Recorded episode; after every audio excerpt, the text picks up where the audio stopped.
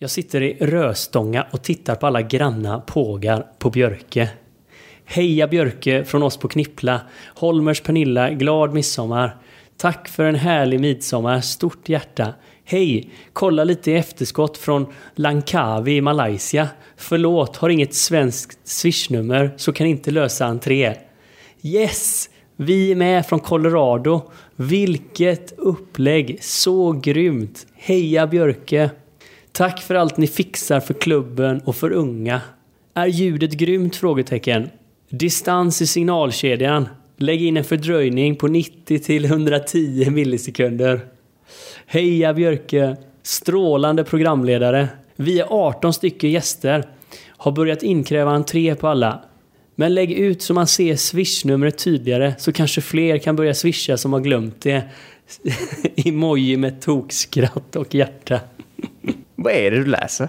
Det här är kommentarer från online midsommar 2.0 på Björke. Så allt utom en vanlig midsommar? Japp.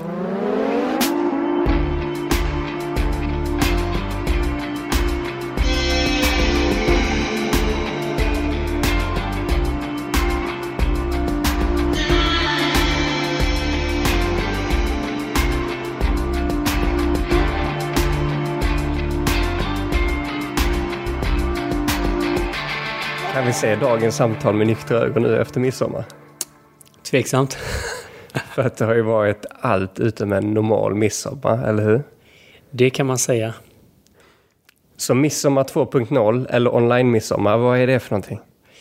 Eh, Det är väl ett, nästan ett fenomen nu får man säga efter eh, den här totaliga mediebruset som blev kring ja, men, eh, den här lilla föreningen IFK Björke. Som, ja, vad ska man säga, en krissituation. eh, Som förvandlades till eh, ja, men en succésituation får man väl ändå säga nu när vi sitter här eh, och summerar det hela. Så IFK Björkö, då pratar vi en o- fotbollsorganisation va? För ungdomar. Jajamän, eh, fotboll och eh, badminton. Men i huvudsak är det fotboll. Okej, och det befinner sig på Björkö som ligger då i Göteborgs skärgård. Jajamän, en ö i Göteborgs norra skärgård. Ja, och då pratar vi, det här har funnits ganska länge jag har förstått det. Den här, Ja, Föreningen. föreningen. nu ska vi se så att jag säger rätt. Jag tror den bildades 20... Ja, vi hade typ 90-årsjubileum för, för några år sedan. Så den är liksom en gedigen förening. och man kan ju ha sett lite grann, för faktiskt nu på dagen för midsommar så var det ett litet reportage på TV4 just om det här. Ja, men det är fortfarande overkligt faktiskt. När jag har ett missat samtal på telefonen. Och eh, ringer upp och så, och så säger liksom ja ah, tjena det är TV4 här. Eh, va? Ja alltså jag, jag har sökt någon i föreningen för jag behöver liksom få reda på det här med online-midsommar. Eh, vad det är ni ska göra och vi vill komma ut och göra ett reportage. Och där har vi stått och liksom svettats med tekniken några kvällar och är typ lite rädda om det verkligen ska bli någonting. Ja, jag måste komma imorgon. Vi behöver komma innan midsommar. Och eh, jag tar med mig ett reportageteam och vi behöver vara där ungefär två timmar.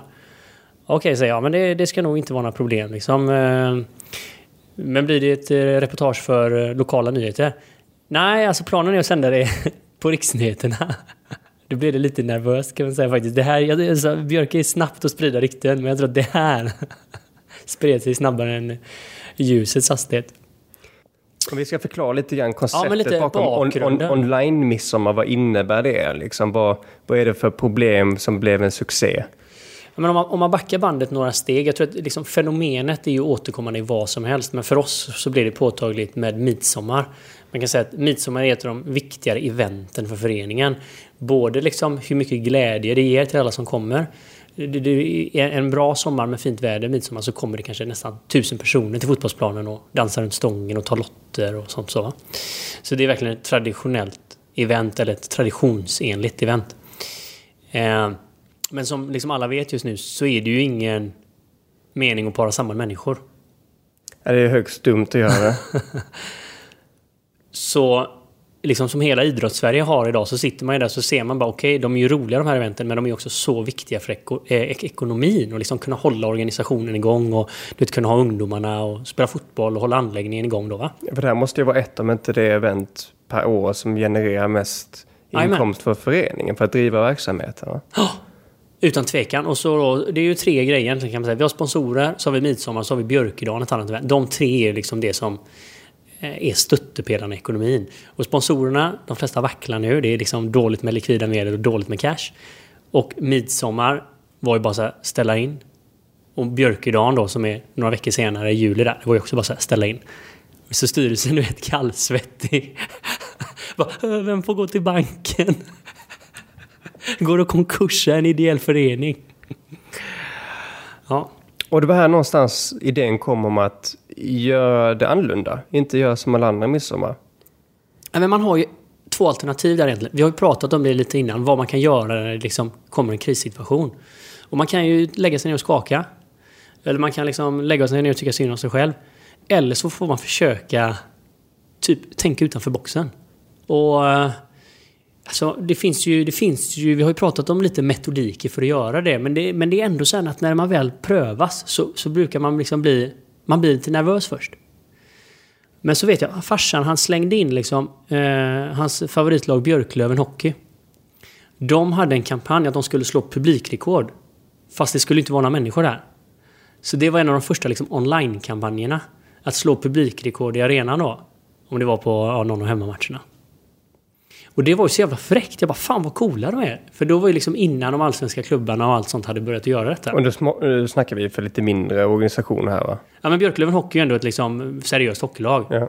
Men de var ändå liksom tidiga när alla liksom bara ville ha statliga pengar och gnällde och vet, all ekonomi var så jävla dålig och sånt. Så bara var de så här, gick ut. Vi ska slå ett publikrekord. Vi ska sälja för 50 spänn. Ja, det är billigt för en hockeybiljett. Eh, så ska vi få fler människor någonsin. Bara fiktiva biljetter liksom. Digitala biljetter. Eh, och det här liksom, när farsan snackade om detta så började det nog sätta lite griller i huvudet på oss. Och vi började brainstorma och hur fan kan man göra? Och så liksom, ja. Utifrån det så växte liksom, ah, men vad fan, ska inte du gå till styrelsemötet farsan och ta med dig liksom online-midsommar? Då är det, vilka alternativ har vi? Kan inte mötas fysiskt. Det finns teknik idag. Och det har ju prövats en gång tidigare. Exakt. Exakt hur liksom detaljerna tekniskt och sånt, alltså det var ju liksom en stretch i idéstödet. Men här är det ju så tidigt fortfarande. Så han är svinpeppad, går till styrelsemötet, presenterar den här idén. Alla bara tittar på honom och bara, vad snackar du om? Nej, det var en jävligt dum idé. Och nu snackar vi ändå ett, ett traditionellt midsommarfirande tidigare år då med eh, lottdragning och spinnhjul och dans ja. runt. Eh, jag menar, allt, vi, liksom. vi, vi snackar inte uh, att det brukar vara online och kameror hit och dit. Nej, och... nej, nej. Vi snackar old school. Vi snackar hemmasnickrade lotthjul. Vi snackar liksom folk som har hållit i det här i över 45 år. Och du hörde ju Eilert och Miki som kom när de hade gjort detta i typ 42 år eller någonting va? Så att en radikal förändring från året innan om man säger så. Det blir en Industry 4.0 från Industry 1.0 liksom. Ja, och jag tror precis så som du säger. Många när de presenterar typ AI-lösningar och Industri 4.0-lösningar och sånt så får, alltså, man, man är på olika våglängder. Så när man slänger ut en sån här grej så har liksom inte riktigt resten av gänget hunnit catcha upp. Så farsan kommer hem besviken och bara “Jag fick ingen respons”. Men fan, farsan, eh, ge dem lite tid. Se, du har ändå sått ett frö. Blir det inget så blir det inget, men låt oss se. Så gick det tror jag två veckor. Så han bara, fan!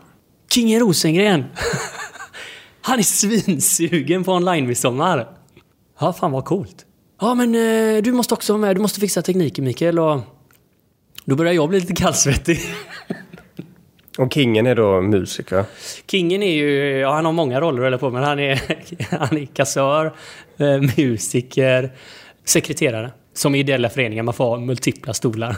Så det här snappades upp av TV4 som en liten ljusglimt i, i hela situationen. Jag menar epidemin och sen så ser man lilla Björkö som tar och håller midsommarstången i högsta hand så att säga och, och tar vidare den här traditionen fast online istället. Så TV4 hade haft ett möte eh, strax innan midsommar och liksom försökt se vad är det som händer ute i landet. Blir det några midsommarfiranden överhuvudtaget? Är det några som gör någonting annorlunda? Och så hade de hållit på och googlat och grejat. Och så hade de hittat eh, först en eh, artikel som vi hade delat på hemsidan typ inställt midsommarfirande var liksom rubriken. Och sen så stod det då eh, midsommar kommer att flytta online då. Så stod det lite detaljer vad det betyder. Det var ganska tidigt liksom. Så hade de sett den och sen så hade de gått in på Facebook och då hade de sett att vi hade börjat dela lite klipp bakom scenerna i förberedelserna. Så hade de hittat de här typ när vi sände live av misstag på en kanal. Och bara shit Jonas fuck vi har 19 stycken tittare här. Kan vi stänga av eller? Och han bara nej jag vet inte hur man gör. Men... Och så börjar han svära du vet och säger helt... Jag bara men hallå vi har 22 stycken tittare nu skärp dig. Ja, så den hade de hittat då. Det var lite mycket där i början med streamingnycklar och vilken tjänst man streamade till och sånt. Så det var lite chockerande när det helt plötsligt då var 20 stycken som tittade på det här testet. Men det var ju tydligen meningen att det skulle ut liksom. För eh, det snappade de upp på redaktionen och, och sagt så men fan vad coolt, det här är det enda som händer i hela Sverige typ. Så vi måste dit och se vad de gör. Jag tycker det är helt underbart att de ens hittar det från första början. Ja, det är helt overkligt. Det är, det, är, det är nästan overkligt ja. Och då gör de det och du får det här samtalet. Ja, Eh, då hade de ringt, alltså, han hade typ försökt alla nummer han kunde hitta. Ingen hade svarat. Så han bara, jag har ringt fem pers nu som jag trodde hade någonting med det här midsommar att göra. Ingen har svarat. Äh, vi är inte så medieintresserade. Sure. Och jag menar, du fick ju vara med lite för jag... Ehm, ja men eh, det fanns ju viss eh, teknikångest. Det var, var ju helt klart en stretch. Jag menar, någonstans eh, försökte jag ju liksom att ta så mycket hjälp av dig som möjligt också. Jag tror att du fick frågan, alltså, jag började bolla med dig ganska tidigt också. Men det var nog eh, två veckor innan och så... Jag kommer ihåg hur du ringer mig med entusiasm och säger Vad är planen på midsommar? Och, nej, jag vet inte. Jag får våga mer på den. har blivit tillfrågad och kör ett online-event. och så och jag vet att vi har pratat om att köra, eh, köra en, en livepodd någon gång. Eller så här, streama live och sen ta in frågor och folk och, och vända vidare på samtalet utifrån vad publiken tycker och tänker. Så vi har ju tänkt att men det är väl lika bra att liksom utforska och köra online. Sen att det skulle vara ett online midsommarevent som första gången vi streamar live. Med eh, fyra kanaler och 3000 tittare. ja, och, och eh, ett band och en studio och eh, en lounge. Ja, det, det var kanske inte liksom det jag tänkte som första gången vi testade testa någonting. Men, eh, men man kan ändå säga så här att, att utan Våga Mera-podden så hade ju aldrig detta varit möjligt. För någonstans hade jag ju flyttat fram positionerna rent mentalt i diskussionerna. med det vi hade gjort, liksom de tekniska settingarna, våra idéer om liksom, att livestreama podden och, och ja, fått se lite i din teknikstudio också. Så eh, det är coolt att se hur saker och ting kan synkronisera och hänga samman. Liksom. Och ändå som du säger så blir det sån jävla stretch på med första liksom, gigget. Det, det är lite skillnad om vi hade gått ut på Programmeras eh, Facebook-sida och dratt en, en livepodd, bara du och jag, med, med två mickar och en kamera. Till nu när vi snackar mixerbord och HDMI-mixers och tre kameror uppkopplade med 20 meter HDMI-kabel och gimbals och... Och folk som satt hemma liksom och hade dragit ner projektor och dukat liksom 16 pers sittning och satt i bio och skulle titta på detta liksom. Men det här, det, jag tycker det här är en, en, eh, en sån fin grej generellt. Midsommar är en sån helig svensk grej. Jag, menar, det, jag, jag, tycker det är få grejer i, i, svensk tradition som är så helig som midsommar. Jag menar julafton och sånt, fine. Men julafton, det, det är lite överallt eh, globalt liksom. Midsommar är väldigt, väldigt svenskt. Oh. Det är samma sak påsk. Det är inte lika svenskt tycker jag, utan midsommar är något liksom... Ja, men det, liksom- typ, det kommer nästan i modersmjölken liksom. Ja, men det, exakt. Och det har ju faktiskt inte, alltså det är ju, det som du säger, de andra är ju religiösa på något sätt så, men midsommar är ju lite mer fristående. Ja, man vet att allting kommer vara slutsålt på systemet dagen innan och det är stor kaos och... Jordgubbarna kostar 95 spänn paketet. Och det kommer regna. Förutom i år då, då skulle det ju bli noll millimeter regn. Ja, ja, precis. Och det är det jag tycker är så fint, att man eh, trots den epidemi vi är så kör man fullt ut på det här. Och eh, det var en big stretch tror jag för alla som var med. Att, att liksom få det här att faktiskt hända. Det var, ah, ja, ja. Det, det, var så... inte, det var inte liksom eh, allting klappat och klart på en timme och sen så var det bara att trycka play. Utan det här var ju, jag vet inte, du var ju grymt mycket mer engagerad än vad jag var. Jag kom in liksom mot slutet och hjälpte till. Men det här, det, vi snackar ju lång tid och många timmars testningar och ändå var det in i sista minuten. ja, men, och det är det som är så kul och jag, liksom, när jag reflekterade över vad var det som gjorde för om man tittar lite på den ideella rörelsen i Sverige som har, ja, men som var en, det har varit en nyckel i byggandet av landet får man ändå säga. Och byggandet av liksom de många generationer. Så har, står man ju inför stora utmaningar nu. Liksom. Att folk är inte riktigt lika intresserade av att jobba ideellt och rätt mycket saker går på rutin och man ska stå i kaféer. Alltså, alla som är med i någon förening vet hur tjatigt det här är. Liksom. Folk sitter i någon styr, föreningsstyrelse och det är liksom mest dödstråkigt. Typ. Men så finns det ju en dimension av det också som jag tror, alltså som har gjorde på 70 och 80-talet och kanske till och med på 60-talet när det här blomstrade föreningslivet i Sverige. När det var liksom fundamentet typ av liksom gemenskap och glädje. Så och det är ju en del för mig som har gjort mycket att liksom, när jag inte är lika aktiv längre, att jag har varit med i föreningar. Men jag skulle vilja säga att det som har dammat igen lite. Men, men här då när vi gick in och gjorde någonting som var en stretch. Alltså du hörde ju, vi träffade ju de som hade gjort midsommar i 42 år. Och då är det mer förfölja ett körschema och man kan typ bara göra det sämre än de som har gjort det innan. Och det är inte så jävla kul. Men här lite när vi fick komma samman, det liksom mycket ovisshet och som du sa stretch för alla. Det var ju stress och nervositet och det blir lite konflikter ibland. Man blir lite sur på varandra för man tyckte inte att saker gjordes i den takten och man fick inte de svaren man önskade. Så var det ändå ett team som typ ideellt liksom gav av sin tid och sin kraft här för att möjliggöra någonting som uppenbarligen var mycket stretch. Liksom. Hade det varit piece of cake att göra det så hade du inte heller fått liksom, den uppmärksamheten i radio och tv och sånt. Utan det var ju för att detta flyttade fram positionerna lite grann. Så vi kan kalla det innovationer eller entreprenörskap eller liksom vad som helst. Eh, men bakom kulisserna så är det ju så. Vi pratar ju ett, team med hög ambition att få midsommar fungera för eh, föreningens bästa. Men inte den, den här attackgruppen, om vi, om vi säger så här. Det här var första gången för allihopa, inklusive musiker etc. att köra det här. En sån här setup med eh, kameror och hela kittet utan att liksom hyra in assistans eller ha med ett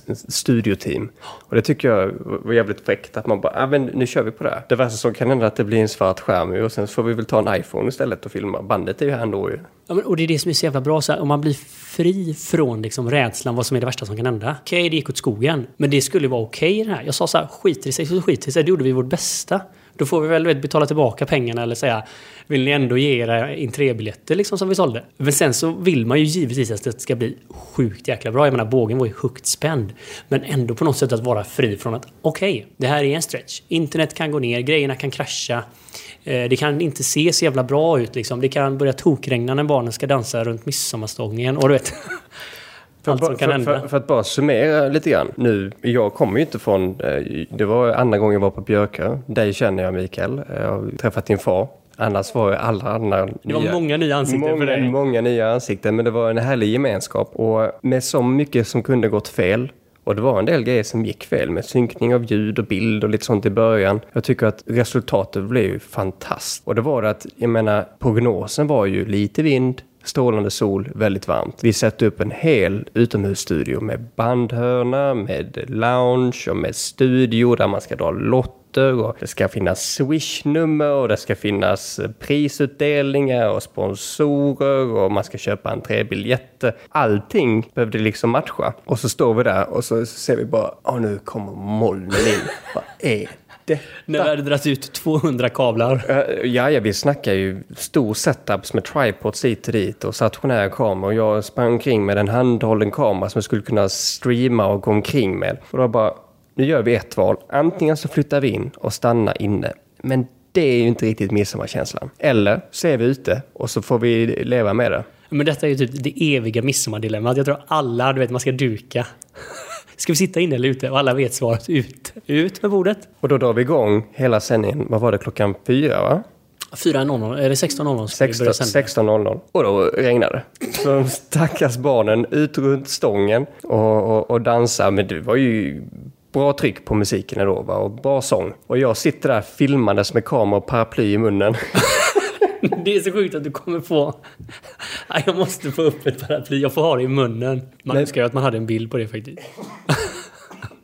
Finns viljekraften där så tror jag att med lite experimentation så kan man göra så mycket mer. Och jag har ju inte riktigt varit del av en sån här ideell förening på väldigt lång tid. Och Jag vet inte om det håller på att liksom förändras med generationsbyten och så här. För jag tycker att, som, som du sa här innan, att det har varit en väldigt stark i Sverige, idrottsföreningar etc.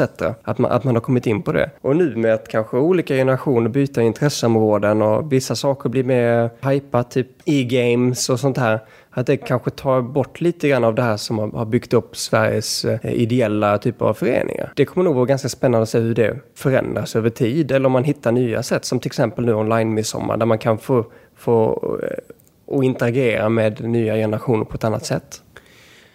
Ja, men du är inne på något väldigt intressant här för det är ju en, det är en grundläggande, det är två intressanta delar kan man säga. Varav, varav en är ju det här att eh, arbeta liksom oegoistiskt, om man ska säga så. Ideellt. Alltså att eh, osjälviskt.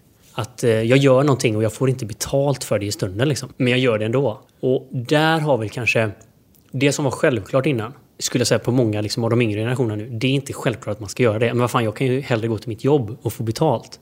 Varför ska jag lägga ner pengar här liksom, eller tid?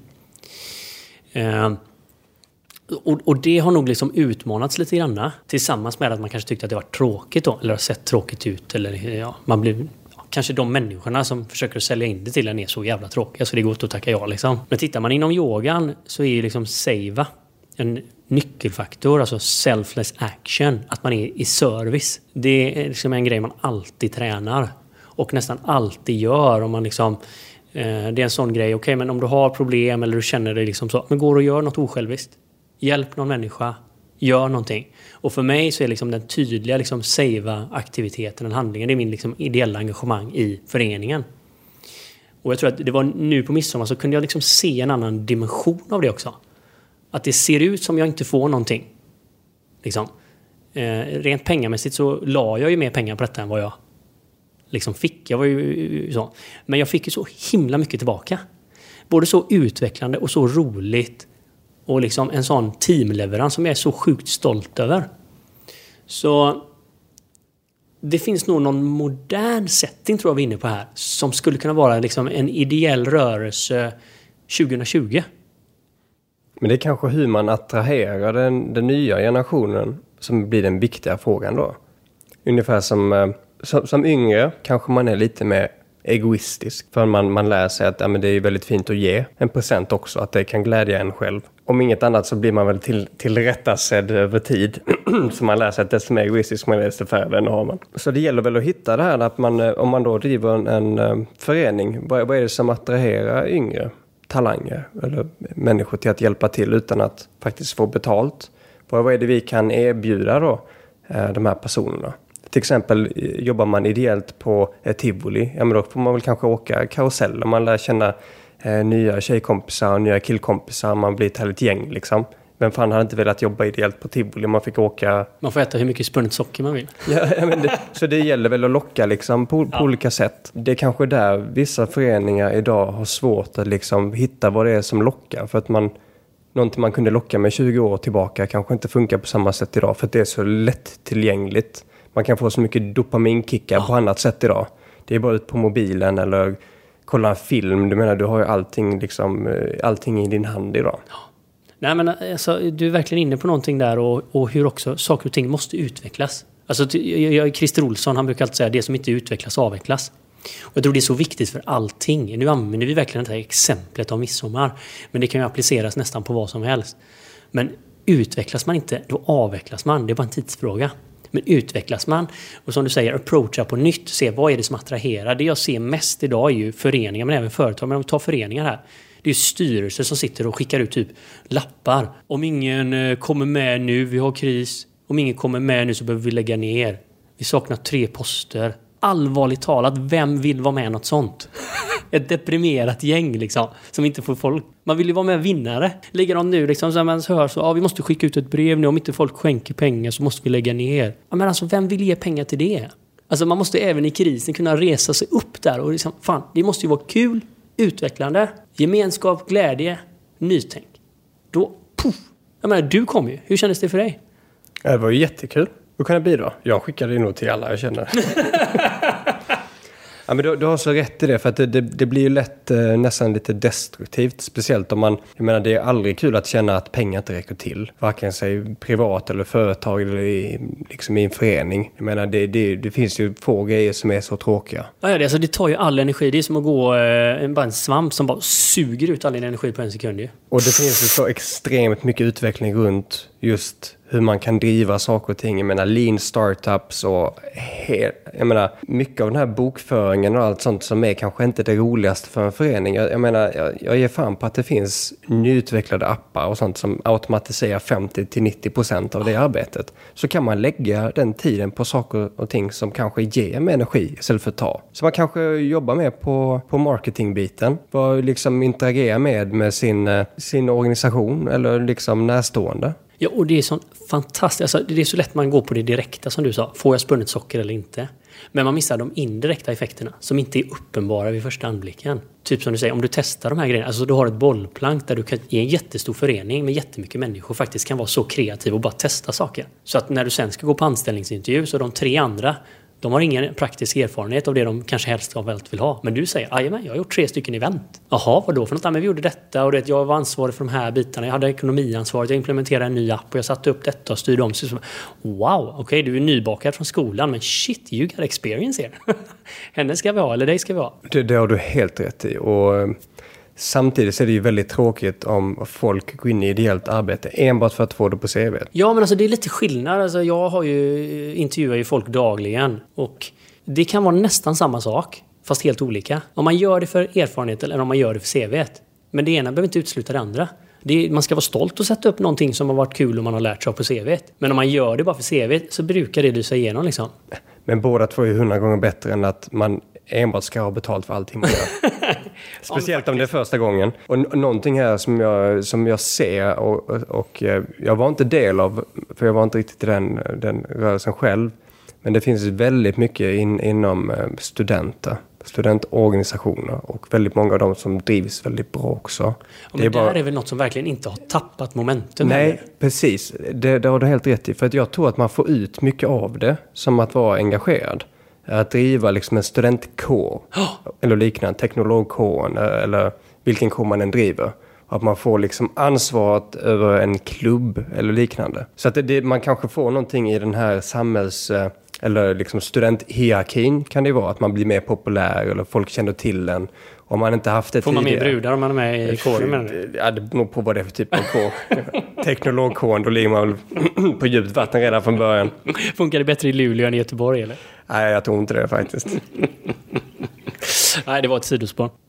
Någonting man inte kan få ut med dagens appar och sånt där som jag tror man absolut kan få ut med eh, organisationer och ideellt arbete men även men, idrottsföreningar etc. Det är just det här att man, man träffar folk. Och det är någonting jag tror kommer bli viktigare och viktigare för, för nya generationer. Att faktiskt komma ut och, och träffa folk fysiskt. Ja. Att allting inte går bara via sms eller textmeddelande. Ja, det är så sjukt, alltså, sjukt roligt. Även i coronatider så kan man faktiskt se hur mycket vi lyckades träffades under detta eventet. Och över generationer. Unga, gamla, liksom, ja vi då, eller jag i alla fall då, mittemellan. det är ju så himla kul att göra någonting gemensamt också. För det är väldigt lätt att umgås om man har ett gemensamt mål eller någonting man ska åstadkomma. Annars så Ja men typ, jag måste säga ibland så man träffar ju inga i Sverige typ. Liksom gymmet, men där har ju alla lurar liksom på öronen. Och det är nyckeln du sa där. Att man har ett gemensamt mål. Det är när man inte har det som man liksom divergerar. Ja men det make no sense lite då. Alltså, du, kan ju liksom, du kan ju dricka kaffe ett par gånger och sitta och snacka om vädret men till slut så ebbar ju det ut, det blir meningslöst liksom. Men bygger man någonting, man skapar någonting, man är kreativa tillsammans. Då förenar ju det verkligen. Så jag tror att det här är en av de delarna som har störst potential att utveckla det svenska samhället. Och framförallt lösa frågan kring eh, segregering och utanförskap och sånt. Så, va? För här spelar det ingen roll vilken religion du har, vilken eh, du vet, eh, sexuell läggning du har eller vilken jävla dialekt du har eller sånt. Så, va? Det är... Fan, okej. Okay here we are, vad ska vi göra liksom? Det är spot on. Jag blir helt mållös, men det är spot on. Och jag tror det är, det är svårt att relatera till det om man inte har varit en del av det själv. Att man har varit i ett, men, varit i ett lag till exempel. Det, vi, vi pratar ju här, det här är en typ av lagsport. Vilket man kan se, det kan ju vara inom sport men kan också vara inom andra typer av former också. Så fort man är ett lag och man har ett mål tillsammans då blir man väldigt starka, man lär känna personen på ett annat sätt. Någonting jag tror är väldigt svårt att, att göra online. Kanske att du kan göra det på vissa typer av skjutspel när man jobbar i grupp mot samma mål. Men det här med att man bara liksom strosar omkring online och blir förargad över en tweet eller hit och dit och liksom, ja, det är för mig destruktivt. Utan det är den här andra biten man vill få in, att man liksom får en gemenskap, att man få ett utbyte med, mellan varandra. Ja, och det roliga här är väl att vi ändå försöker att förena de här två, två världarna. Det hela bygger ju här på att vi faktiskt gjorde det mest traditionella och analoga digitalt.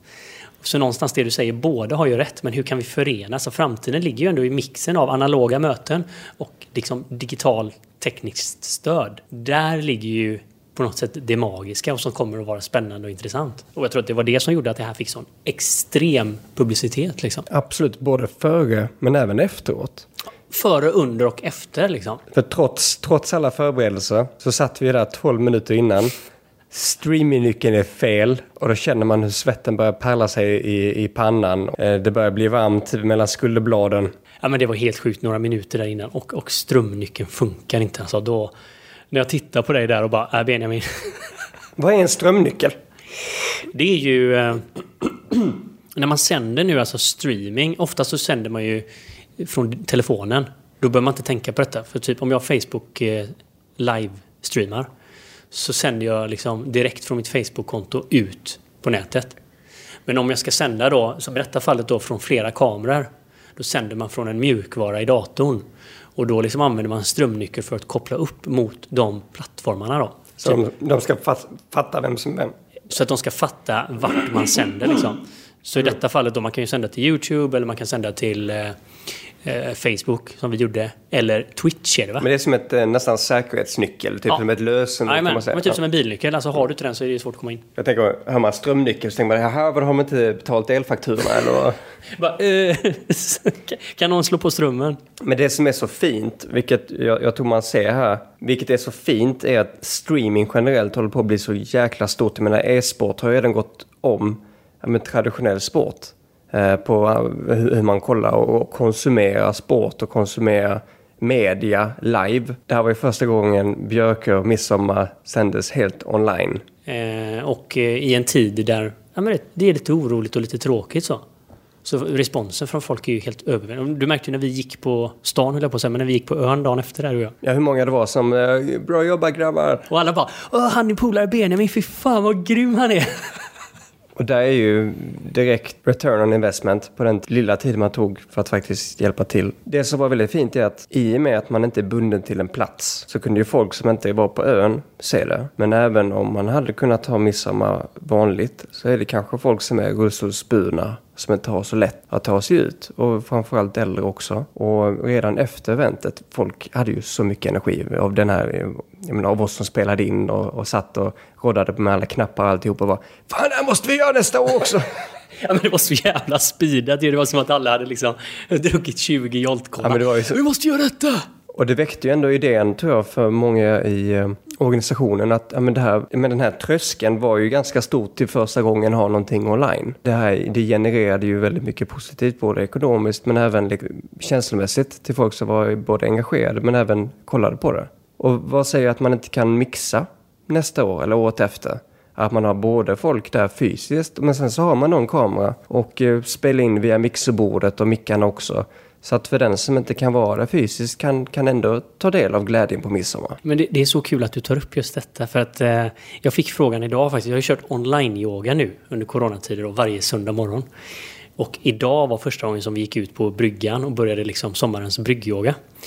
Men då var det några från som har varit med online som inte var där. Och de bara ah, sänder du liksom streamar också? Och jag bara eh, nej det är ju ute. Ja men kan du inte streama också? Så det är precis detta som kommer in då. Alltså måste de vara separerade? Eller kan man alltid erbjuda som du säger? I detta fallet var det folk som inte var på plats, men säg att det är liksom äldre eller så. Så det är ju... Eh, vi kanske kommer att börja flytta ihop de här två lite mer liksom, eh, analoga och digitala. Absolut. För är det någonting som kan ta bort murar och ta bort liksom borders så är det ju teknik. Men nej, vi har ju vänner, både du och jag, som är men, globalt stensäkra på att det finns folk i, som du känner in i som alltid tyckt det var skitkul att komma in på en, en yoga-session som du. Ja men det var ju, alltså Midsommar på Björke nu då som är ett superlokalt event, det får vi ändå säga. Sändes ju, det var ju några, eh, det var ju några som var inne och skrev, alltså Jeanette, en kompis till mig, hon var inne från Kanada. Men sen var det några Björkebor ute i världen, några som var i Colorado. Och sen så delade ju jag länken så det var ju typ massa indier som hade varit inne och tittat. Ja, sen hade vi ju Skåneland med också från min sida. Kanske mest exotiska. I alla fall till kultur. Och språk också. Så det är det som är väldigt fint. Man, man ser ofta att tekniken tar bort en hel del av det här. Att man, och vi var inne lite grann på det innan idag. Att eh, desto mer man umgås online, desto mindre förlor, eller desto mer förlorar man av den här närheten som man kan uppleva annars när man möter personer. Men samtidigt, jag menar, om du inte kan möta någon fysiskt på grund av eh, att ni är på olika platser, ja, då gör ju online väldigt mycket. Men tänk förr på, på 60-talet när man skrev brev. Men jag tror inte man behöver gå så långt bak som till 60-talet. Jag safeade. Du bara, ah, kommer du ihåg på 1800-talet när man skrev brev? Nej men det är sant faktiskt, på 60-talet skrev man brev. Ja, eh, nej, men man ser ju, det helt enkelt. Så dagens teknik möjliggör sånt här, vilket är helt underbart. Jag tänkte vi ska runda av lite grann idag och det, det här var skitkul. Det här var verkligen i Våga Mera-anda. Att eh, första streaming-eventet var, vad var det, eh, 3800 pers som integrerat med videon. Och då vet vi att det är ju, det är ju inte bara en som har suttit bakom eh, tv-rutan utan några stycken. Så att betydligt mer än, än vad siffrorna visar. Ja. Än, än vad siffrorna visar. Men du är verkligen inne på det också, att just liksom från Våga Meras fundamentala anda vad vi vill göra så såg vi hur många som fick stretcha sig och våga här liksom för att möjliggöra detta över alla generationer. Både de som stöttade liksom digitalt med teknik men också de som stöttade att göra det möjligt. Liksom. Alla fick nog, tror jag, gå in i den här känslan, rösta modet och bara okej, okay, jag fattar inte fullt ut vad detta är, men vi ska fan lösa det. Det som är så fint med att man kan, eh, kan ha det online är att eh, det ligger ju nu så att folk kan gå in och titta på det. Det ligger ju liksom förevigat på IFK Björkö. Yes, Facebook-sida. Så vi bara söka upp det. Och jag tänkte faktiskt höra med dig för att man tar in entrébiljetter och sånt här och det är ju för, för föreningens bästa. Är det fortsatt möjligt att man kan skicka lite sent påkomna entrébiljetter om man vill supportera eh, föreningen? Alltså det är ju det som är så coolt också med online, att det går ju. Och alla pengar här, allt överskott går till föreningens ungdomar och till byggandet av en, ny konstgräsplan som ska kunna hålla liv i föreningen hela året. Så att eh, vill man lösa en entrébiljett eller på något sätt annat stötta så kan man slänga iväg en swish till eh, föreningens konto. Man kan ju till och med köpa en liten bit av den nya planen för att liksom föreviga eh, att man är med och bidrar. Får man en liten schysst namnplatta där och, och bidrar till, ja men jag skulle säga en, en av de finaste samhällsgrejerna man kan göra. Så i, i heliga anda av, eh, av att våga mer. Har du något nummer sånt man kan eh, swisha till om man vill stötta? Då är numret, swishnumret då 123 302 4130. 123 302 4130. Så vill ni supportera IFK Björkö så in och eh, ge ett litet bidrag. Det är högt rekommenderat. Så får vi hänga på nästa online-midsommar eh, nästa år igen. Och sjukt välkomna att komma ut till eh, ön någon dag och dricka kaffe och, och liksom känna på gemenskapen. Ja, och vi har ju ett event uppkommande på Björkö nu bara inom några veckor ju. Ja? Yes, vi har ju Våga Mera-kvällen på restaurang Seaside på bryggan där nere vid havet. Gör vi det online eller? jag fick teknikångest direkt här. Nej, men det här är väl ett event vi eh, faktiskt gör fysiskt. För att eh, sättet vi integrerar med är ju online eh, och hela podden. Så att det här eh, kör vi upp som ett event via Facebook-sidan. Så eh, in och kika där. Och ja, men in och likea Våga Meras nya Facebook-sida. Ja. Eh, vi hoppas komma ut snart med datum till det här ja, men sjukt härliga eventet. Vi ska umgås, men vi ska också snacka lite om att våga mera och, och ja, men få lite coola möten där. Och självfallet hitta inspiration till nästkommande avsnitt. Det här, det här är ju så att vi, vi kör ju det här efter det tionde avsnittet och det avsnittet som går ut nu det är ju det nionde avsnittet. Det är nära. Så att det är nära. Och vi ska ju betala av våra skulder också. Till alla er som vi har lovat att bjuda på öl för de fina kommentarerna som vi har fått eh, till podden. Och det är precis som IFK Björkö, det är inte för sent. Så in och skriv nya kommentarer. Det, det, det gör så sjukt mycket för oss. Att, eh, för desto mer kommentarer finns, desto mer poppar det här upp som förslag för andra att lyssna på. Ja, och så kan vi inspirera fler att våga vara sig själva och våga mer och flytta gränser och göra coola grejer. Exakt. Så med det sagt Syns nästa vecka. Ta hand om er.